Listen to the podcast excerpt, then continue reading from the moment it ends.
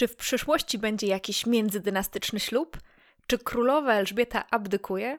Co myślę o Meghan i Dianie? Na te i na wiele więcej pytań znajdziecie odpowiedź w tym jubileuszowym dziesiątym odcinku. Zapraszam.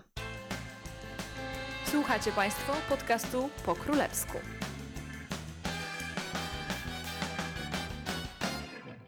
Cześć, nazywam się Anna Orkisz i jestem Waszą przewodniczką po królewskich tematach i dramatach. To już dziesiąty odcinek podcastu po królewsku. No i ja po prostu już dzisiaj świętuję. Dziękuję Wam bardzo za oceny, recenzje, wszystkie subskrypcje, obserwacje, za to, że do mnie piszecie, że ten podcast Wam się podoba. No bo to dzięki Wam i tego, że mnie słuchacie, właśnie powstaje dziesiąty e, odcinek. Od niedawna możecie mnie też słuchać na YouTubie. Także y, tam zapraszam, jeżeli macie ochotę na jakąś tam lekką zmianę platformy. I postanowiłam, że do tego dziesiątego specjalnego, jubileuszowego już dla mnie y, odcinka zaproszę do współtworzenia Was. Czyli dzisiaj będę odpowiadała na pytania, które właśnie od Was dostałam głównie y, przez Instagram. No i mam też dla Was taką niespodziankę. Mam też współprowadzącego, który te pytania będzie mi zadawał, żeby była taka, taki element zaskoczenia. Jest to Szymon, moje największe wsparcie, jeżeli chodzi o produkcję podcastu i największy fan tego podcastu, mimo tego, że nigdy monarchiami, monarchiami ani rodzinami królewskimi się nie interesował. No to zanim zacząłem słuchać Twojego podcastu, oczywiście.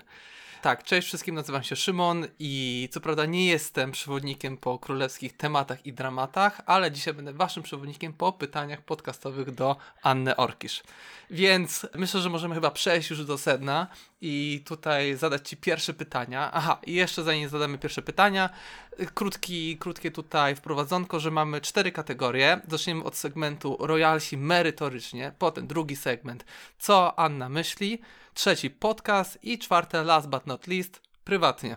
Uuu. Zobaczymy, co z tego wyjdzie. No dobra, przechodzimy myślę już chyba do mięsa, bo wszyscy po prostu chcą już się dowiedzieć. Dokładnie, więc teraz wleci jingle. Tu, tu. Zaczynamy pierwszą kategorię, czyli royalsi merytorycznie. Right to Royals pyta, czy myślisz, że w przyszłości odbędzie się jakiś międzydynastyczny, prawie jak międzygalaktyczny, królewski ślub, czy w czasach, w których zazwyczaj zwykli ludzie wchodzą do monarchii, dwory już do tego nie dążą? Bardzo ciekawe pytanie, dlatego że rzeczywiście jeszcze 100 lat temu takie śluby były ogromnie popularne, tak zwane międzydynastyczne, międzygalaktyczne, czyli różne e, rodziny królewskie się między sobą żeniły, no i przez to też powstawały różne połączenia, mhm. a nawet w obrębie tej samej rodziny, tak na przykład jak Habsburgowie. Choćby co... popatrzeć na królową Wiktorię.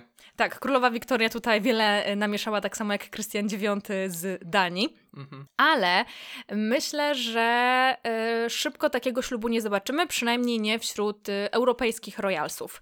Y, dlatego, że jednak odchodzi, znaczy oni i tak są wszyscy ze sobą spokrewnieni. Także po pierwsze, no w obecnych czasach wiemy, że takie mm, bliższe czy dalsze, że tak powiem, śluby wśród rodziny to nie jest najlepszy pomysł z genetycznego punktu widzenia, czego pewnie jeszcze 100 lat temu do końca wiedziano.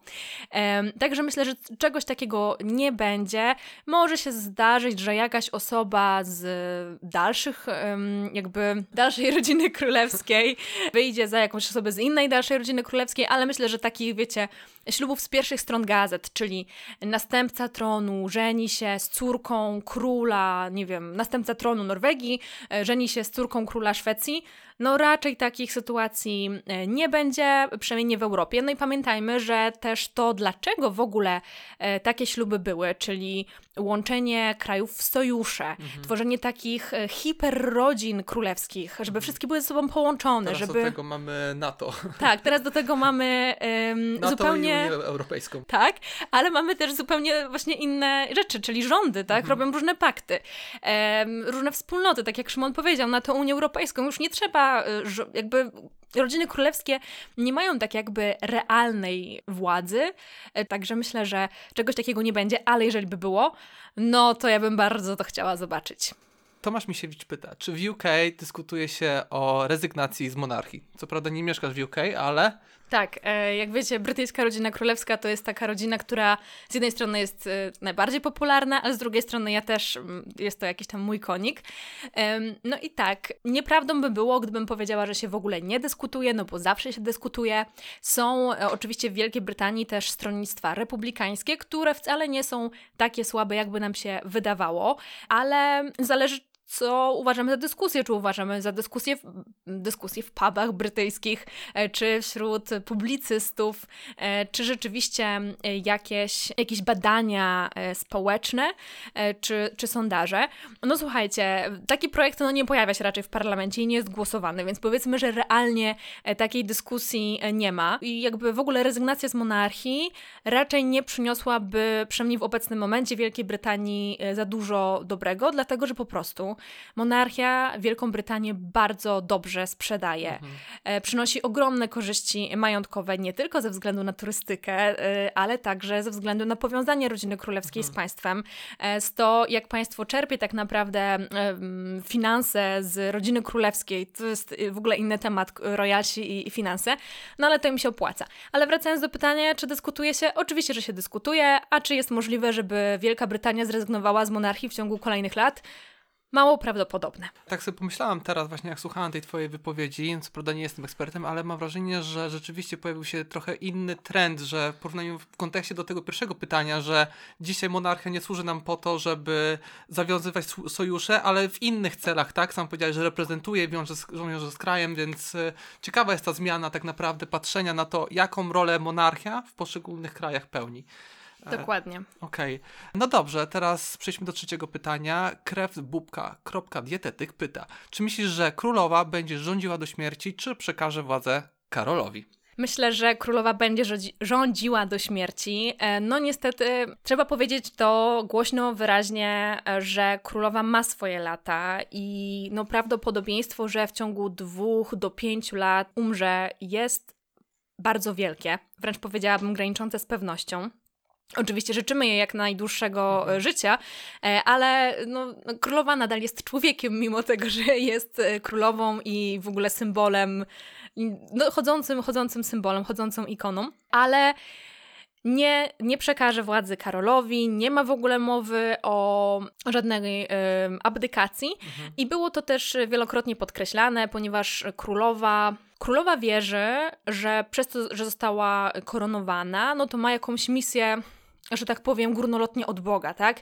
E, żeby tą wielką monarchię w jakiś tam sposób prowadzić. I jest to taki obowiązek, którego ona się nie może zrzec. Więc no nie zrzeknie się e, także teraz, ale będziemy widzieć, zresztą już widzimy, a będziemy widzieć jeszcze większy trend oddawania coraz większej ilości obowiązków e, właśnie Karolowi, Williamowi czy innym członkom rodziny królewskiej, a królowa będzie brała prawdopodobnie udział tylko w tych najważniejszych. No właśnie, wczoraj też tak naprawdę o tym rozmawialiśmy, że jakby się na tym zastanowić, to królowa poznała Winstona Churchilla to, było to był nawet jej premier. No właśnie, właśnie. Przecież w, to było w tym pierwszym sezonie The Crown. Mhm. Pamiętam te świetne sceny z udziałem Claire Foy. No to jest po prostu niesamowite, jak sobie uświadomimy, że człowiek, który no, wygrał II wojnę światową, jeszcze współpracował z dzisiejszą królową, więc jakby rzeczywiście jej historia sięga daleko. No ale dobrze, przejdźmy do pytania Patki 008, prawie jak 007. No nie mogą się powstrzymać. Skoro Harry i Meghan zrezygnowali z tytułu, to czemu ciągle nazy się nazywają książę i księżna Sussex? No, to jest e, ciekawe pytanie i też dosyć skomplikowane, ponieważ sprawa z tytułami, ze wszystkimi tymi przedrostkami czy określeniami na osobę w rodzinach królewskich jest dosyć skomplikowana. Więc tak, Harry i Meghan rzeczywiście wyszli z rodziny królewskiej w takim sensie, że nie są pracującymi członkami rodziny królewskiej, e, tak zwanymi working royals. No i przez to, że, że Harry i Meghan zrezygnowali jakby z tej pracy, no to stracili też e, szereg przywilejów i stracili także tytuł e, jej wysokości czy jego wysokości. To tak zwane mm, angielskie HRH, czyli e, Her Royal Highness albo His Royal Highness. Ale nie stracili tytułu księżnej Sussex albo księcia Sussex, dlatego że ten tytuł został im nadany przy ślubie. Powiedzmy, że był to taki prezent od y, królowej i taki tytuł y, nosi się do śmierci, a często takie tytuły także są przekazywane na męskiego potomka pary. I jeżeli rzeczywiście król, czy królowa, czy jakiś przyszły król Karol czy William zdecydowaliby, żeby właśnie taki e, tytuł odebrać Haremu i Meghan, no to wtedy musiałby być to przegłosowane przez obie izby parlamentu. Także dużo zachodu. Zresztą inne osoby, które powiedzmy odeszły z rodziny królewskiej, tak na przykład jak księżna Jorku, Sara, była żona księcia Andrzeja, nadal posługuje się i może posługiwać się tytułem księżnej Jorku. Nie zostało to jej odebrane, ale taka ciekawostka, gdyby postanowiła ponownie wyjść za mąż, no to wtedy jakby traci ten tytuł. Mniej więcej tak to wygląda, więc nadal mają prawo do używania tego tytułu. No myślę, że teraz ostatnio w ogóle jest dużo pytań odnośnie Harego i Meghan, tego co robią, jak się pokazują w sferze publicznej, no ale do tego chyba jeszcze tutaj dojdziemy. No ale w każdym razie ostatnie pytanie z segmentu Royalsi merytorycznie. Lodygowska pyta, skąd bierze się fascynacja rodzinami królewskimi w XXI wieku? Część na pewno fascynacji bierze się z serialu The Crown, myślę, i popularyzacji tej wiedzy. A ty jak myślisz? E, tak, myślę, że masz, e, masz część racji na pewno. Jest to, byłaby to część odpowiedzi na moje pytanie. Ale przede wszystkim, słuchajcie, royalsi to są e, tacy celebryci i to są jakby to jest taki archetyp celebryty. Od dawien, dawien, dawien dawna ludzie interesowali się tym, co robi król, co robi królowa, jeżeli się gdzieś pokazywali, to zawsze były zdjęcia w gazetach i tak dalej, i tak. Były to osoby e, publiczne, które mm, też e, zainteresowanie to, mm, tej opinii publicznej e, wzbudzały. No i w pewnym momencie to rzeczywiście przerodziło się powiedzmy w takie celebryctwo. No a celebryci w XXI wieku, tak jak w drugiej połowie XX wieku, są ogromnie popularni, a, a kto jest fajniejszym celebrytą niż rodzina, do której można się przyczepić, że ma władzę, tak naprawdę na nią e, nie zasługując. To jest taki powiedzmy, hmm, powiedziałam to tak jakby to była 100% prawda. Jest to taki jeden z linii powiedzmy e, prasowych. No i teraz tak, z jednej strony celebryci, a z drugiej strony to rodziny królewskie w XXI wieku są tak egzotycznym gatunkiem, tak niespotykanym, że dlatego wzbudzają tą, e, tą fascynację. I to jest tak, że te rodziny trochę konserwują trochę są taką, y, taką kapsułą czasu. Właśnie, czasu, no. Która pokazuje, to jest taki odblask czasów minionych, tak? E, wiele z tych takich rzeczy, które mamy, e, które są związane z królewskimi rodzinami, z tym całym ceremoniałem, no to jest XIX wiek, mhm. początek XX wieku.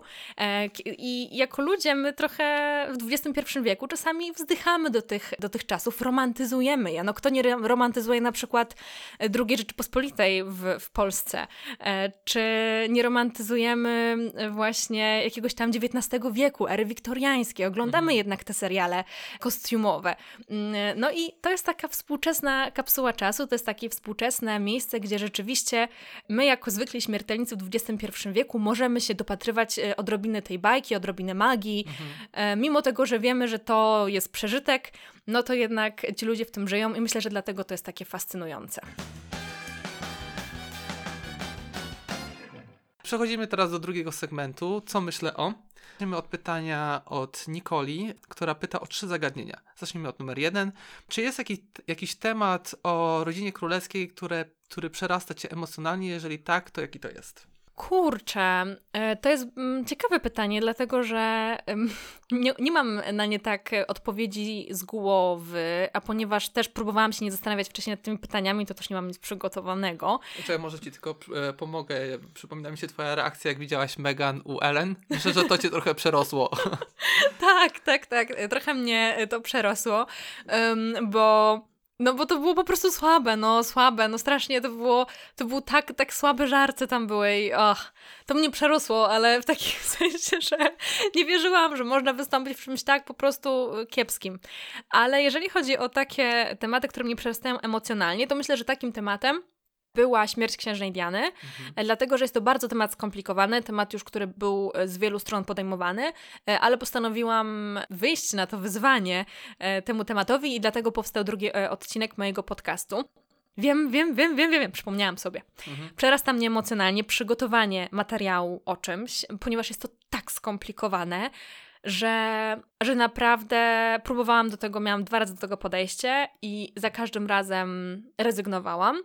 I są to połączenia pomiędzy rodzinami królewskimi e, szczególnie właśnie te stworzone, już wspominaliśmy o nich e, przez królową Wiktorię i przez Krystiana IX, to jest tak turbo ciekawy temat, mhm. ale ogarnięcie tego, przedstawienie tego w jakiś fajny sposób jest tak trudne, że Przerasta mnie przygotowanie tego tematu na pewno. No tak, e, szczególnie kiedy pracujesz nad podcastem, a nie nad YouTube'em, który możesz pokazać gdzieś te połączenia, raczej niż opisywanie tych wszystkich związków e, no, dźwiękiem, co myślę, Dokładnie. że jest strasznie, strasznie ciężkie. Dobrze, jedna uroczystość e, w rodzinie królewskiej, w której chciałabyś partycypować, to? Myślę, że jeżeli chodzi o bycie widzem, bo wiem, że jest też pytanie o byciu na backstage'u, więc potem na nie odpowiem. Jeżeli chodzi o bycie bycie widzem, to bardzo chciałabym zobaczyć koronację w Wielkiej Brytanii. Myślę, że to byłoby szalenie, szalenie ciekawe, ponieważ jestem bardzo ciekawa, czy ta koronacja, która będzie kolejna, czyli koronacja Karola, będzie e, inna niż ta koronacja Elżbiety, czy będzie zmoderno- zmodernizowana, mhm. bo jednak będzie 70 lat później, no czy jednak e, zostanie e, w takiej wersji, jak była wcześniej. No dobra, przejdźmy do kolejnego pytania. Możesz zjeść kolację z dowolnym członkiem rodziny królewskiej. Kogo wybierzesz? Wszystkich rodzin królewskich na świecie to królową Małgorzatę z Danii. Niedługo będziesz w Danii, więc myślę, że... że jest szansa. Że jest szansa. Wyślę jej list do pałacu. Nie wiem, czy mam uzasadnić dlaczego, czy to wystarczy. Mm, wydaje mi się, że jak posłucha twojego podcastu, to na pewno się zgodzi. dlaczego Małgorzata, nie dlaczego chciałabym A, ją... dobrze.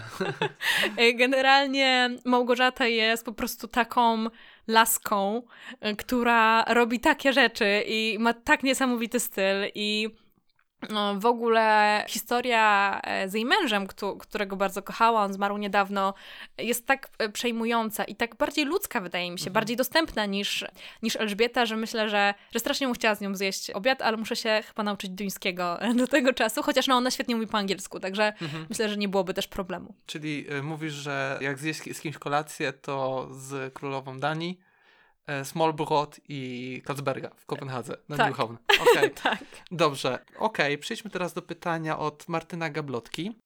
Jeżeli mogłabyś się spotkać z jedną osobą z angielskiej rodziny królewskiej na żywo, to kto by to był? Jeżeli mogłabym tak siąść i pogadać na kawie na przykład, yy, albo na piwie, yy, to myślę, że byłaby to Kate dlatego że strasznie bym się chciała dowiedzieć, jak to tak naprawdę wygląda od środka. No jeżeli oczywiście bym im powiedziała, no wiecie, no nadal to są jednak jakieś tam, y, jesteśmy w sferze pytań takich zupełnie nierzeczywistych, ale tak e, byłaby to Kate, ponieważ wydaje mi się, że miałaby takie dosyć świeże spojrzenie. Mhm. Wydaje mi się całkiem sympatyczną osobą, mimo tego jej imidżu w mediach takiego bardzo e, oficjalnego. Mhm. I po prostu byśmy sobie pogadały, jak to naprawdę jest tak, y, taki girl talk. Kolejne pytanie. Ilona pyta, z kim z rodziny, brytyjskiej rodziny królewskiej chciałabyś się zamienić miejscami na jeden dzień? Więc teraz nie kolacja, nie spotkanie, ale zamiana miejsc. Chciałabym się zamienić e, na jeden dzień z młodą królową Elżbietą. Okej. Okay. To w ogóle zamiana nie jest y, możliwa, więc ja tutaj po prostu, y, jak już jest niemożliwa, to, to ja bym chciała też na niemożliwość iść, czyli zamienić się właśnie z młodą królową Elżbietą. Tak myślę z lat 50., kiedy była młoda, piękna, miała suknie wspaniałe i, i robiła wtedy jeszcze ważniejsze rzeczy niż teraz. I miałam masę siły i, i młodego męża, więc no myślę, że to by było super. Chyba też więcej podróżowała po Commonwealthie. Tak, myśl, e, tak, w sumie, ej, właśnie, bo ja teraz jakbym miała taki konkretny dzień wybrać, no to z jednej strony może właśnie chciałabym coś z Churchillem, mm. nie to, mhm. żeby to był jakiś mój idol, no ale jednak jest to jakaś tam ikoniczna postać historyczna. Na pewno ciekawa osoba. E, tak, e, no to może jakaś podróż po Commonwealthie z Churchillem. Chociaż o. pałac Buckingham w środku też wydaje się fajny, to na tydzień bym mogła się zamienić i wszystkie te rzeczy zaliczyć. Baran Zosia, co sądzisz o księżnej Meghan? Co sądzę o księżnej Meghan? Tutaj jest jeszcze takie chyba jedno pytanie, co sądzę o jakimś członku rodziny królewskiej dalej. I e, wiem chyba skąd wynika to pytanie, bo ja w swoich materiałach staram się być e, na tyle obiektywna, na ile mogę, to znaczy nie narzucać e, swojego zdania tak wprost, jeżeli chodzi o, o jakieś tam moje poglądy, tylko staram się zawsze pokazać dwie strony medalu. Ale jak już są pytania i tutaj mogę sobie tak bardziej e, prywatnie e, odpowiedzieć na nie, no to jeżeli chodzi o Megan, to nie jest łatwa sprawa. Co sądzę o Megan? Uważam, że e, jest to osoba, która świetnie umiała wykorzystać szansę, w której się znalazła. Jeżeli chodzi o cały Megxit, to tam jest tyle wątków, że ciężko mi teraz to wszystko opisać, to na pewno zasługuje na osobny wątek, ale myślę, że to zdecydowanie jest osoba, która wiedziała, jak wykorzystać szansę, w której się znalazła i jak z z aktorki jednego serialu dojść na, na szczyt po prostu celebrystwa i będąc być jedną z najbardziej rozpoznawanych e, twarzy na świecie. Mhm. Nie mówię, że, że ona jest do szpiku kości zła, absolutnie nie, ale myślę, że to, że mm, w tej rodzinie królewskiej była, to czy jest, e, na pewno dużo jej dało wizerunkowo i na pewno mm, bardzo podniosło jej status medialny. No i tyle, no. Myślę, że fakt, iż nie wspomniałaś o tym, że z nią chciałabyś wypić kawę albo z nią się zamienić, też dużo mówi o twojej relacji i twoim stosunku do niej. Ale nie chcę tutaj rzucać jakimiś teoriami, tak. teoriami. E, trochę tak, bo są dwa teamy generalnie, jeżeli chodzi o Megan i jeżeli chodzi o Dianę. E, jest jedna grupa osób, które uwielbiają księżną Megan i uważają, że rodzina królewska ją skrzywdziła, a jest druga grupa osób, które uważają, że Megan jest do kitu i tylko działa na niekorzyść rodziny królewskiej. Ja nie jestem żadnym z tych teamów, dlatego że staram się tutaj gdzieś tam e, znaleźć jakiś złoty środek i widzieć e, te, te sytuacje z różnych perspektyw. E, no ale to, co powiedziałam, to myślę, że na pewno, na pewno się. No, podpisuję się po prostu pod tym. No tak, tak, tak, jasne, zrozumiałe. Dobrze, to przejdźmy do kolejnego pytania. Kreftbubka.dietetyk pyta, którą postać z brytyjskiej rodziny królewskiej lubisz najbardziej? Najbardziej lubię Elżbietę II, ponieważ... Hmm, no ponieważ no to jest Elka, no. To jest po prostu ikona i no jak jej nie lubić? No bardzo, bardzo ją lubię. Bardzo ją lubię, po prostu. Okay. I tyle, no. Okay. Soul Hedonist pyta, rodzina królewska, za którą nie przepadasz, to i dlaczego? Nie przepadam za tymi rodzinami, których tak bardzo nie znam. Jakie dyplomatyczne. dlatego, że te rodziny, które lepiej znam, czyli norweską czy brytyjską, szwedzką rodzinę, duńską, lubię je. A póki co jeszcze te rodziny, które są mi dalsze, no jakoś tak ich nie zgłębiłam bardzo. W sensie to nie znaczy, że nic o nich nie wiem, oczywiście, że coś o nich wiem, ale wiecie, jakby to nie są takie tematy, które mnie jakoś tam szczególnie wciągają, ale nie ma takich, które bym nie lubiła. Zdecydowanie. Myślę, że postacią, której nie lubię, ale myślę, że nikt nie lubi tej postaci przy zdrowych zmysłach, jest były król Hiszpanii Juan Carlos, który był po prostu chodzącym przypałem. A myślałam, że wspomnisz o Andrzeju, że nie lubisz Andrzeja. O, ale Andrzej to nie jest rodzina królewska. A, no dobrze, okej. Okay. Znaczy w sensie to nie jest jakaś rodzina królewska, której można nie lubić. No tak. E, no w sumie... Jak, no ale postać. Postać. No myślę, że to też jest taka postać, mhm. która nie wymaga komentarza i no myślę, że takie zachowania absolutnie jak książę Andrzej nie powinny mieć miejsca w ogóle, nie tylko w rodzinach królewskich. No pewnie. Okej, okay, przejdźmy do kolejnego pytania. Al Kurzawska pyta, rzecz, która najbardziej Cię zaskoczyła w brytyjskiej rodzinie królewskiej to? To, jak brytyjska rodzina królewska jest powiązana z innymi rodzinami. Mhm. I ja już o tym mówiłam, jeżeli chodzi o te rzeczy, które mnie przerastają, jeżeli chodzi o opracowanie szczególnie, ale to było ogromne zaskoczenie dla mnie. Ja wiedziałam, że oni są połączeni, jakby to nawet na historii się chyba o tym uczymy, ale aż tak w sensie y, mnie zaskakuje odkrycie każdego nowego połączenia. O, może tak. Mm, myślę, że jest, jest co odkrywać tak naprawdę. Okej, okay, przejdźmy do kolejnego pytania. Kora Kuka pyta, która odpowiedź na list najbardziej Cię ucieszyła? No, to dobre pytanie, bo pamiętam, że parę tych listów dostałaś. Tak, najbardziej mnie ucieszyła pierwsza, ponieważ to było najbardziej e, niespodziewane. Najbardziej mnie ucieszyła pierwsza i była to odpowiedź od Karola i Kamili. E, świąteczna. No, Jezu, jak ja się wtedy cieszyłam, skakałam po cu... Nie, bardzo, bardzo się ucieszyłam. I, I w ogóle ten papier, słuchajcie, ten papier, te, te, te koperty, które dostajecie, one są tak wysokiej jakości, że cudowne są. Ale taka chyba, która jest dla mnie najważniejsza, to jest odpowiedź od królowej Elżbiety, odpowiedź na kondolencje po śmierci jej męża Filipa. Mhm, też twoja ulubiona postać w rodzinach królewskich. To prawda. Więc... Dobrze, które wydarzenie, uroczystość chciałabyś spędzić z royalsami od backstage'u? To już było podobne pytanko, ale teraz o backstage. Jeżeli chodzi o backstage, to jakiś ślub, bo śluby są fajnym tematem i ostatni odcinek też był o ślubie. Jeżeli nie słuchaliście, to zapraszam bardzo. Myślę, że było, byłoby to, byłoby to na pewno e, ciekawe, szczególnie jeżeli chodzi o jakieś takie bycie y, druhną panny młodej na mhm. przykład, albo o jakąś jej menadżerką, żeby po prostu wszystko ustalać z nią. Ja lubię w ogóle zarządzać rzeczami, więc wszystko ustalać i, i wiecie, i, i, być, um, nie wiem, przy tych wyborach i, i myślę, że to... Poza tym to jest takie... To jest e, bardzo wesołe, takie radosne wydarzenie, mhm. także myślę, że też miło by się e, w nim uczestniczyło. E, dzięki bardzo za tą odpowiedź. No i ostatnie pytanie tutaj od Kory.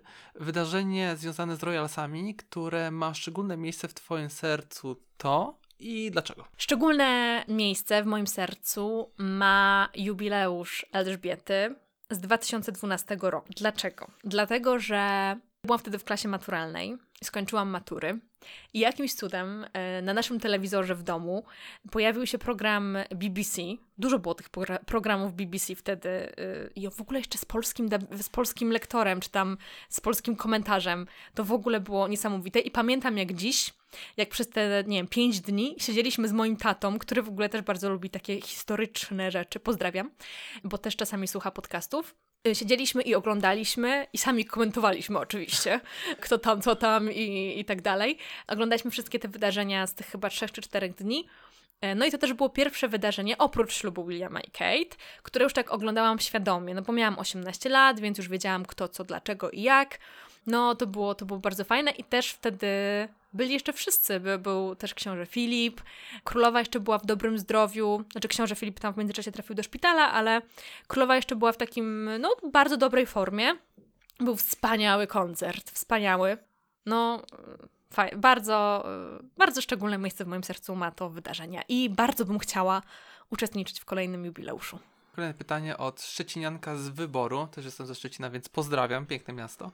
Jaką książkę o rodzinie królewskiej najbardziej polecasz? Anna ma parę, więc myślę, że na pewno coś wybierze. Tak, parę, parę, Paręnaście. parę półek parę mam. Półek. E, I już próbuję nie kupować, bo z naszym tempem przeprowadzek to ciężko jest mieć tyle książek nie polecam, bo jest dużo do dźwigania. Jeżeli chodzi o książki o rodzinie królewskiej, no to sprawa jest o tyle skomplikowana, że ja jeszcze nie znalazłam takiej książki, która byłaby y, idealna, która wyczerpywałaby temat i która nie narzucałaby w taki ordynarny sposób zdania autora na, mhm. na temat royalsów, ale nie byłaby też nudną biografią. To jest mój ideał książki i, i taki, taka książka, która by była łatwo przyswajalna. Bardzo fajną książką, którą polecam, którą czytałam 3 lata temu, czy 4 lata temu.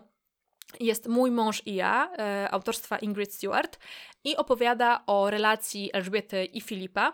Jest to książka, która wówczas wydawała mi się szalenie ciekawa. I dlaczego mówię wówczas? Dlatego, że wtedy jeszcze miałam mniejszą wiedzę na temat rodzin królewskich. Też nie robiłam podcastu, jakoś tam nie poszerzałam tej wiedzy aż tak głęboko jak dzisiaj.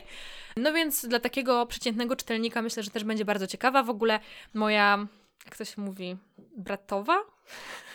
E, też ją czytała wtedy i jej się bardzo podobała. Ona w ogóle jakby nie siedzi na co dzień w tematach królewskich, także też na jej opinii tutaj polegam, jeżeli chodzi o takiego przeciętnego czytelnika. I fajna jest książka, kurczę, nazywa się Królowa. Wydaje mi się, że e, jest... Kogo jest ta książka? E, mogę wygooglować ją. Królowa... Andrew Morton? Nie, właśnie nie Andrew. Prawdziwa... Andrew Marr. Andrew Marr. No, było blisko. Andrew Morton to jest taka, taki autor, który się bardzo zajmuje księżną Dianą. Mhm. Um, nazywa się ta książka Prawdziwa Królowa. Elżbieta II, jakiej nie znamy. I jest to o tyle ciekawa pozycja, że jest fajnie napisana, jest dosyć kompleksowa i super się ją y, ogląda jako takie, Jezus, czyta jako uzupełnienie The Crown. Także to są dwie książki, które jestem w stanie jakoś tam z czystym sercem polecić. Okej, okay, dzięki. No to przejdźmy do ostatniego pytania w kategorii co myśli Anna? Ostatnie pytanie jest takie. Follow Your Little Dreams pyta. Kochana, chciałabym zapytać, jaki jest Twój stosunek do Lady D, Lady Diany? Myślę, że troszkę już opowiedziałam o tym, jeżeli chodzi o Meghan, czyli ja nie jestem ani w grupie, która uwielbia Lady Dianę i ją po prostu wynosi na ołtarze, ani w grupie, która e, Lady Diany nie znosi. E, chociaż jestem bardzo krytyczna wobec Lady Diany i uważam, że tam jest więcej. Teraz ostrożnie z opinią. Pewnie na, jest... na kruchym lodzie stąpasz. Tam jest więcej e, niż właśnie wynoszenie jej na ołtarze. Jest to postać w sumie podobna do Megan pod tym względem, że nie jest to postać jednoznaczna. Myślę, że Diana jest 100 razy bardziej skomplikowana e, postacią, powiedzmy, historyczną niż, mhm. niż Megan. I jest to postać, która z jednej strony mnie mega nudzi, dlatego że wszyscy o niej mówią i wszyscy chcą o niej czytać i tyle książek wychodzi, filmów, to jest mega nudne i przeczytałam kiedyś na blogu u Zwierza Popkulturalnego, żebyśmy, żeby zostawić tą Dianę w spokoju. E, I to prawda. Uważam, że po prostu y, ilość materiałów o niej jest y, y, strasznie ogromna i, ludzie po prostu co chwilę znajdują mhm. nowy temat. To mnie bardzo odstręcza. A z drugiej strony bardzo mnie ciekawi taka krytyka Lady Diany, ponieważ większość z tych materiałów, która się pojawia, to są jednak materiały uświęcające ją w pewien sposób i są to materiały często produkowane przez Amerykanów, w ogóle, Jezu, mit Księżnej Diany to jest podcast, który mi wisi i wisi i wisi i mam mega ochotę po prostu o micie Księżnej Diany opowiedzieć. E, w ogóle skąd się wziął i jak jest podsycany. A właśnie z drugiej strony trochę brakuje takiej krytyki e, jej e, osoby. No, jest to bardzo ciekawa osoba, ale ja nie jestem raczej w, w, w teamie, która by ją jakoś tam specjalnie uświęcała. Mhm. Jestem ciekaw, by the way, bo w nowym sezonie The Crown, piątym i szóstym, nowych, ostatnich chyba dwóch sezonach też tak. ma być dalej ten wątek poruszony, więc zobaczymy jak podeszli do tego twórcy pracujący dla Netflixa. Dokładnie. I jeszcze jeżeli chodzi o The Crown, to akurat uważam, że to jest naprawdę genialnie pisany serial, yy, dlatego że ja po obejrzeniu właśnie tego czwartego sezonu, ale w ogóle mówiłam o tym chyba już na swoim Instagramie, bo robiłam live'y z każdego odcinka, 40-minutowe. Tam jest tyle informacji o rodzinach królewskich. Jeżeli macie niedosyt, to po prostu obejrzyjcie wszystkie te live'y, bo jest masa ciekawostek tam. Po obejrzeniu tego czwartego sezonu tak naprawdę widz może mieć własną interpretację. Mhm. Czy ta Diana jest tam potraktowana jako ofiara, czy jako, czy jako osoba, która próbuje coś ugrać mhm. w tej rodzinie królewskiej. Także no jest to naprawdę super, super ciekawe. Dobra, to przechodzimy teraz do trzeciego segmentu, przedostatniego, podcast. Zacznijmy od pytania od Martyny Gablotki. Pyta, po tych 10 odcinkach, co Ci się najbardziej podoba w podcastowaniu? Najbardziej mi się podoba gadanie do mikrofonu. Ale jeżeli chodzi, znaczy to naprawdę mi się podoba. Ja bardzo lubię gadać i bardzo często też jakoś tak wcześniej opracowywałam dla siebie, mm, mówiąc różne tematy, więc publikowanie tego jest dla mnie ogromną, ogromną przyjemnością. Ale podoba mi się też to, że mam okazję rozwinąć swoje zainteresowanie rodzinami królewskimi. Dlatego, że ja rodzinami królewskimi interesowałam się no już wiele lat, 15-16 lat się tym interesuję tematem. No i oczywiście były czasy, kiedy interesowałam się bardziej i czasy, kiedy interesowałam się mniej. To jest oczywiste, no nie można codziennie po prostu spędzać pięciu godzin na researchu o royalsach, tak jak to, tak jak to robię teraz, ale dzięki temu podcastowi się cały czas uczę, poszerzam swoje horyzonty, y, poszerzam swoją wiedzę, zbieram materiały, oglądam coraz to nowe y, dokumenty, coraz to nowe książki czytam, artykuły i tak dalej.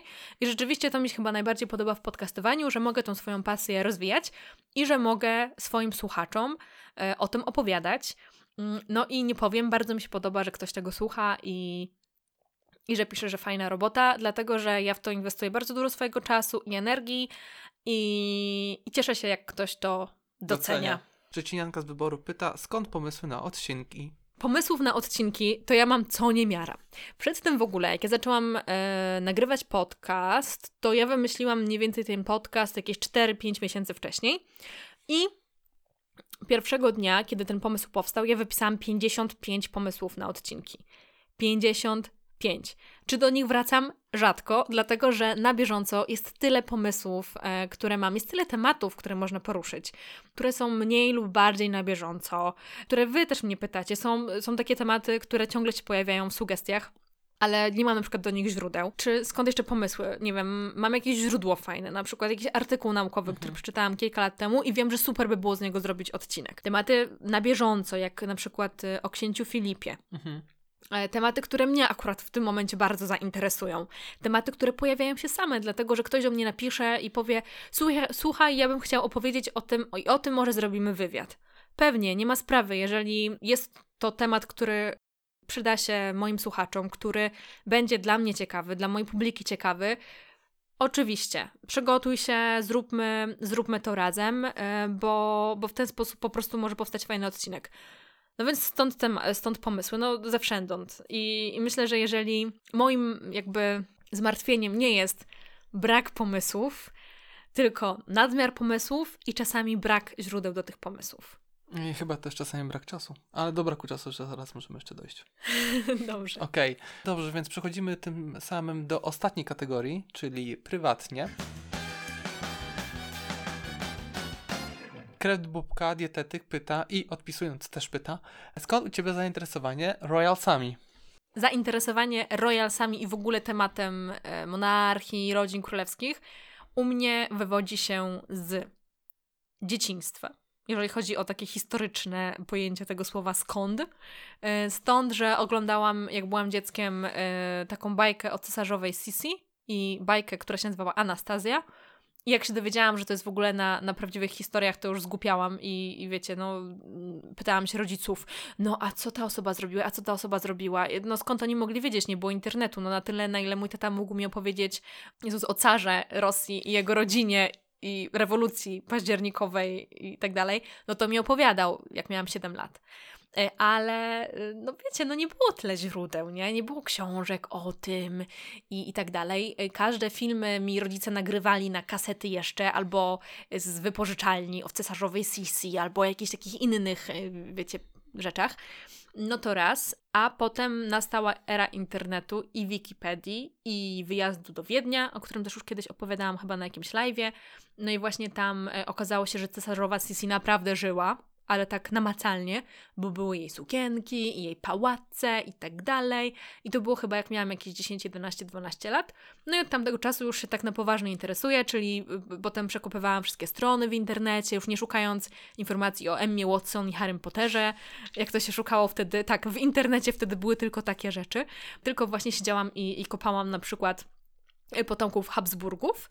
No i jakoś tak wiecie, no naturalnie. A skąd w sensie takim, że dlaczego się tym interesuję, to też nie jest tak, że to jest moje jedyne zainteresowanie w życiu. No to jest akurat, ja prowadzę profil e, e, po królewsku, który się tym zajmuje, ale mam też inne, no interesuję się też masą innych rzeczy, z których nie robię kontentu, ale myślę, że interesuje mnie to zdecydowanie z takiej strony politycznej, dlatego że w ogóle ja bardzo zawsze się interesowałam polityką, ustrojem i państw, także Także z takiej strony mnie to interesuje, jaka jest w ogóle rola monarchy, dlaczego ten monarcha mhm. y, w niektórych krajach występuje, co ten monarcha robi, jakie są prawa dziedziczenia tronu, jakie monarcha ma prawa i tak dalej. No to jest dla mnie top po prostu interesująca rzecz.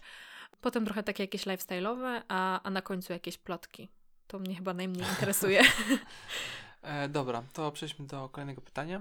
Rudowłosa 007, to wcześniej chyba było ktoś z 008. 008. Teraz jest 007, doczekałem się. Jak wygląda u Ciebie rutynowy dzień? Jestem pełna podziwu, ile Ty masz energii i robisz w życiu? Serduszko. Oh. Wstajesz rano. Wstaję rano. E, w ogóle to jest takie pytanie, wiecie, ja się czuję po prostu jak prawdziwa jakaś youtuberka, albo podcasterka, albo instagramerka, no bo zawsze chciałam, e, marząc, e, nie wiem, pod prysznicem, odpowiedzieć na takie pytanie, a, ale nie, nie napisałam go sama, tylko Rudos Włosa je, je napisała, więc to nie jest tak, że wiecie, z innego konta sobie napisałam. Ja nie mam rudych włosów, jakby coś. To może właśnie dlatego tak jest dla niepoznaki. Mm, dlatego śmieszki, właśnie wybrałaś ten, ten nick. Tak. No znaczy dobra, nie. rutynowy dzień, rutynowy dzień. Wstajesz rano, co się dzieje? Wstaję rano i najbardziej chciałabym rano mieć nawet chwilę czasu dla siebie przed pracą, czy nie wiem, jakiś spacer, albo yoga, albo jakieś czytanie czegoś. Nie zawsze to się udaje, ale czasami się udaje. E, więc to jest taki moment dla mnie, kiedy mogę się jakoś wyciszyć, czy po, posłuchać podcastu wiecie, śniadanko, kaweczka i tak dalej. No i potem pracuję, jak y, większość osób, tylko że ja pracuję z domu, więc y, według mnie to sprawia, że mam więcej czasu, bo ja uwielbiam pracować z domu, uwielbiam to, że mogę po prostu otworzyć komputer, zasi zasiąść do biurka i, i pracować. No a potem co, no kończę pracę około 18, trzeba, wiecie, czasami zrobić jakieś zakupki, coś tam, to jest jak każdy dzień, każdy człowiek, ale rzeczywiście dużo czasu poświęcam na na pokrólewsku teraz i dużo czasu, nie wiem, y, wymyślam, montuję, nagrywam i tak dalej, czasami do późna. Tyle chyba. Alright. Czy jeszcze mam skądś energię i coś robię w ciągu dnia? Myślę, że lepiej bym tego nie opisał. E, dobrze, przejdźmy do kolejnego pytania. Mm, Jump in Jack Flash pyta. Elżbieta i Małgorzata, siostry przeciwieństwa, do której jesteś bardziej podobna z charakteru? O, to ty możesz powiedzieć, do której jestem bardziej podobna z charakteru. Czy jestem taka bardziej stateczna, czy taka bardziej imprezowiczka? Jedna i druga, jedna i druga. Trochę tak, trochę jedna i druga, ale wydaje mi się, że ja jestem bardziej y, Elżbietą niż Małgorzatą. Tak powiedziałabym 60 do 40 albo 70 do 30. No.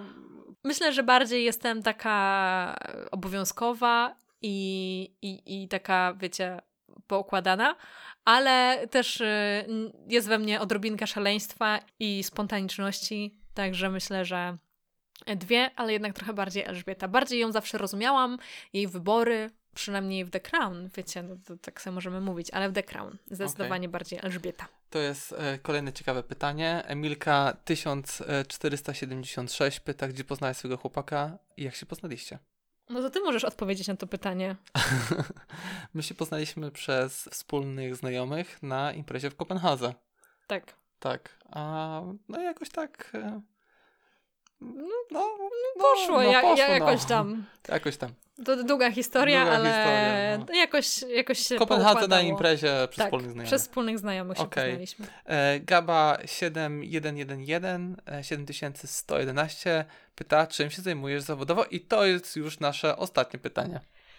Czym się zajmuję zawodowo? Generalnie zajmuję się komunikacją i można powiedzieć social mediami, tak ogólnie, dla instytucji publicznych. Okej. Okay. No i to chyba wszystkie pytania. Tak. Y, to chyba wszystkie nasze pytania. I y, w ogóle mi się wydaje, że ten odcinek będzie bardzo fajny, bo taki jest dynamiczny i wiecie, taki tutaj ten. Y, niewyskryptowany. Niewyskryptowany, naprawdę. Mamy tylko pytania, więc zupełnie taki gadany, przez to, że może się pojawić troszkę więcej y albo e, albo nierówności w dźwięku, no bo mamy jednak dwa aparaty gębowe tutaj, a nie jeden, jak zawsze mój. Ale dziękuję Wam bardzo za słuchanie tego odcinka. No, nam się go bardzo przyjemnie robiło i zrobiliśmy to w miarę sprawnie, powiem szczerze myślałam, że będzie to trudniejsze. Było to na pewno e, przyjemną odmianą i może jeszcze kiedyś zrobimy jakiś odcinek w duecie, Szymon, jeżeli będzie chciał. Jeżeli będziesz chciał. chciała zrobić ankietę na e, Instagramie, gdzie będzie, będzie trzeba głosować tak albo nie. Kliknijcie na dole tak albo nie. Tak, tak, tak zrobię. Czy chcecie więcej e, odcinków takich luźniejszych i, i głos Szymona gdzieś tam w tle? No i tak, e, dziękuję Wam bardzo za słuchanie tego Dzięki. odcinka i e, jak zwykle przypominam o wszystkich, wiecie, subskrypcjach, ocenach, udostępnieniach i przypominam, że możecie także słuchać podcastu na YouTubie, jeżeli macie na to ochotę. Chociaż jednak polecam aplikacje podcastowe, bo wiecie, wtedy nie zużywacie transferu. I zapraszam jeszcze na swojego Instagrama, gdybyście chcieli się do mnie odezwać, albo nie wiem, coś tam. No.